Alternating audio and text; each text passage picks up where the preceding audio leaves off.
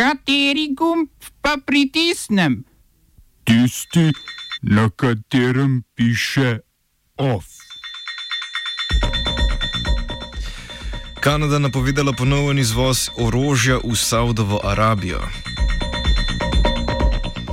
Imenovan novi iraški premijer. Malta po italijanskem zgledu ne bo dovolila izkrcanja migrantov. V kulturnih novicah pa poziv društva Asociacija za drugi paket pomoči kulturnikom.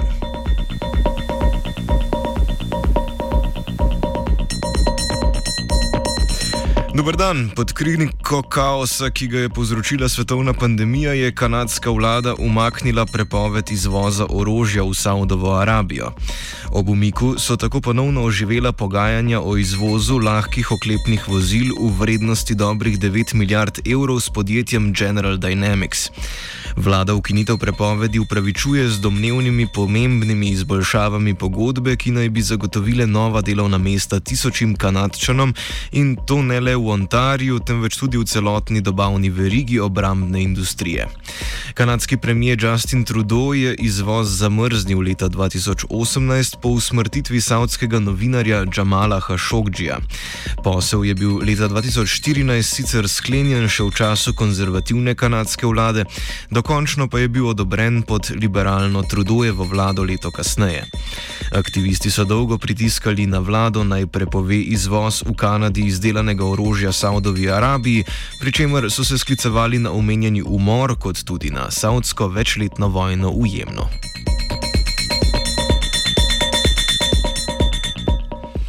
Iraški predsednik Barham Salih je imenoval že tretjega premijeja letos.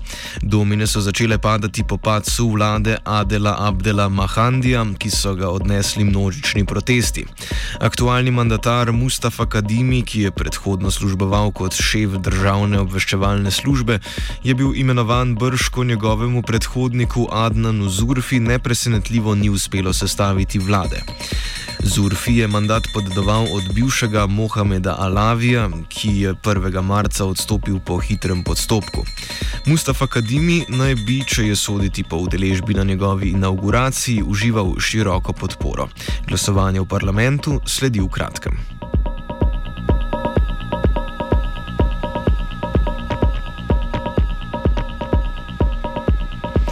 Sirsko zunanje ministrstvo je obsodilo novo poročilo Organizacije za prepoved uporabe kemičnega orožja, krajše OPCV, ki obtožuje sirsko vojsko vrste napadov s strupenim plinom. V poročilu je tako navedeno, da je sirska vojca, vojska marca leta 2017 na območju mesta Latamna vsaj trikrat odvrgla strupena klor in sarin. Poročilo sicer ne navaja, kdo naj bi dal ukaz za napad, vendar trdi, da je moral priti od višjih poveljnikov sirske vlade. Ta ustraja pri trditvi, da je v skladu s porazumom leta 2013 predala vse zaloge plinskega orožja. Poročilo bo sedaj predano Združenim narodom, ki bodo odločili o morebitnih sankcijah.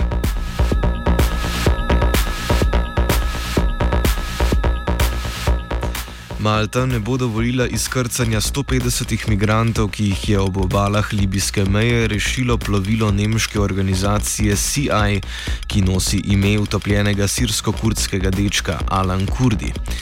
Napoved Malte sledi italijanski napovedi, da bodo zaprli vsa svoja pristanišča. Razlog za odločitve malteške vlade naj bi bil finančne narave, saj so javne finance že preveč oslabljene zaradi epidemije novega koronavirusa, obenem pa pričakovano opozarjajo na nevarnost širitve virusa, ki bi ga lahko prenašali tudi migranti.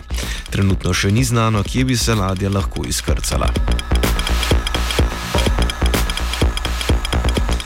Mednarodni denarni sklad, bolje znan pod angliško kratico IMF in ameriška ambasada v Bosni in Hercegovini, sta opozorila tamkajšnje oblasti, da hitrega kredita v vrednosti 330 milijonov evrov ne bodo dobile, če se ne, bo, če se ne uspejo dogovoriti o razporeditvi tega med entitetama Federacijo Bosne in Hercegovine ter Republiko Srpsko.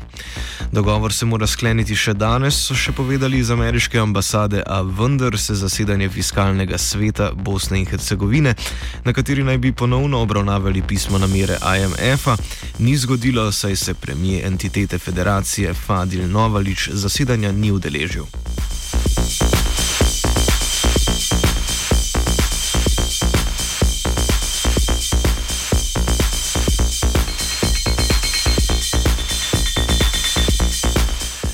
Novi koronavirus posega tudi v kulinariko. Zaradi priporočil Mednarodne veterinarske organizacije, ki opozarja, da so lahko mačke potencijalni prenašalci virusa SARS-CoV-2, so psi in mačke izpadli z kitajskega seznama živali, ki jih je mogoče vzrejati ali jesti zaradi njihovega mesa, je v sredo objavilo kitajsko ministrstvo za kmetijstvo.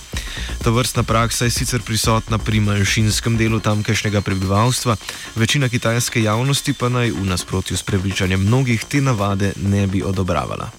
Oba, če, če bom odgovoril na angliški. Slovenija will try to help. We can Slovenija will and we will do our utmost To say that the situation is our problem ourselves. and uh, We will make further steps as soon as the conditions are. bomo vlado Marjana eh, Marjana Cererja Šarca podprli. uh, very, very serious. we know how and we will. Konfederacija slovenskih sindikatov, krajše KSS, je vladi podala predlog za sprejetje interventnih zakonskih odločb z namenom odpravljanja nejasnosti v zvezi z dodatkom na nevarnost javnim uslužbencem v času epidemije.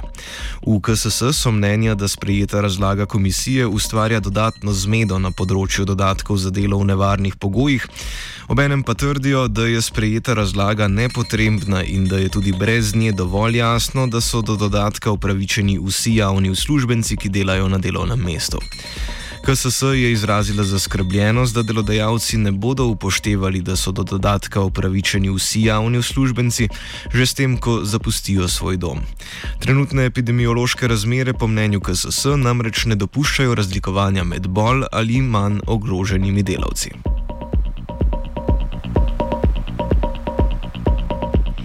Jelko Kacin, govorec vlade za COVID-19, je napovedal postopen umik omejitev. Prva med njimi je nošenje rokavic, ki odslej v zaprtih javnih prostorih ni več obvezno. Enako vreden ukrep je ponovem razkuževanje in umivanje rok. O umiku prepovedi prehajanja občinskih mej pa bojda zaenkrat še ni govora, kot tudi ne o ustavitvi plačil članarin za Svetovno zdravstveno organizacijo, kar je v enem od tvitev nakazal premijer Janez Janša. Namesto tega se vsestranski strokovnjak Jelko raje zauzema za reformo organizacije. Več o ustroju in delovanju Svetovne zdravstvene organizacije pa v kultivatorju čez slabi dve uri. Ovsta pripravili vajenka Magdalena in AKG.